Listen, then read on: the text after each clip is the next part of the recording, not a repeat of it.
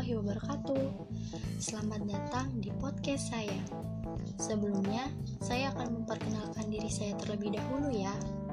Nama saya Sally Felisa dari Prodi Perencanaan Wilayah dan Kota, kelompok 73.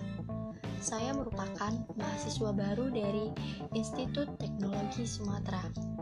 Saya lahir pada tanggal 24 Mei 2003 Kini usia saya adalah 18 tahun.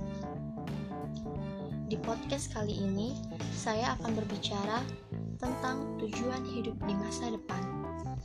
Nah, kalau kamu belum punya tujuan hidup di masa depan, bisa jadi kamu akan mencoba semua hal tanpa arah yang jelas dan gak apa yang sedang kamu cari atau malah sebaliknya.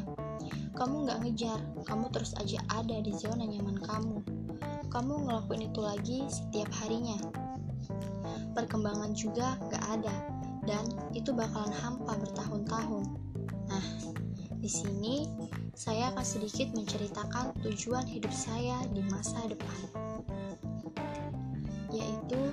bisa lulus tepat waktu dan mendapatkan predikat kumlot agar bisa mendapatkan pekerjaan sesuai dengan yang saya inginkan. Kemudian, saya ingin bisa membuka usaha di bidang kuliner dan fashion. Bisa membeli apa yang saya inginkan dengan uang saya sendiri.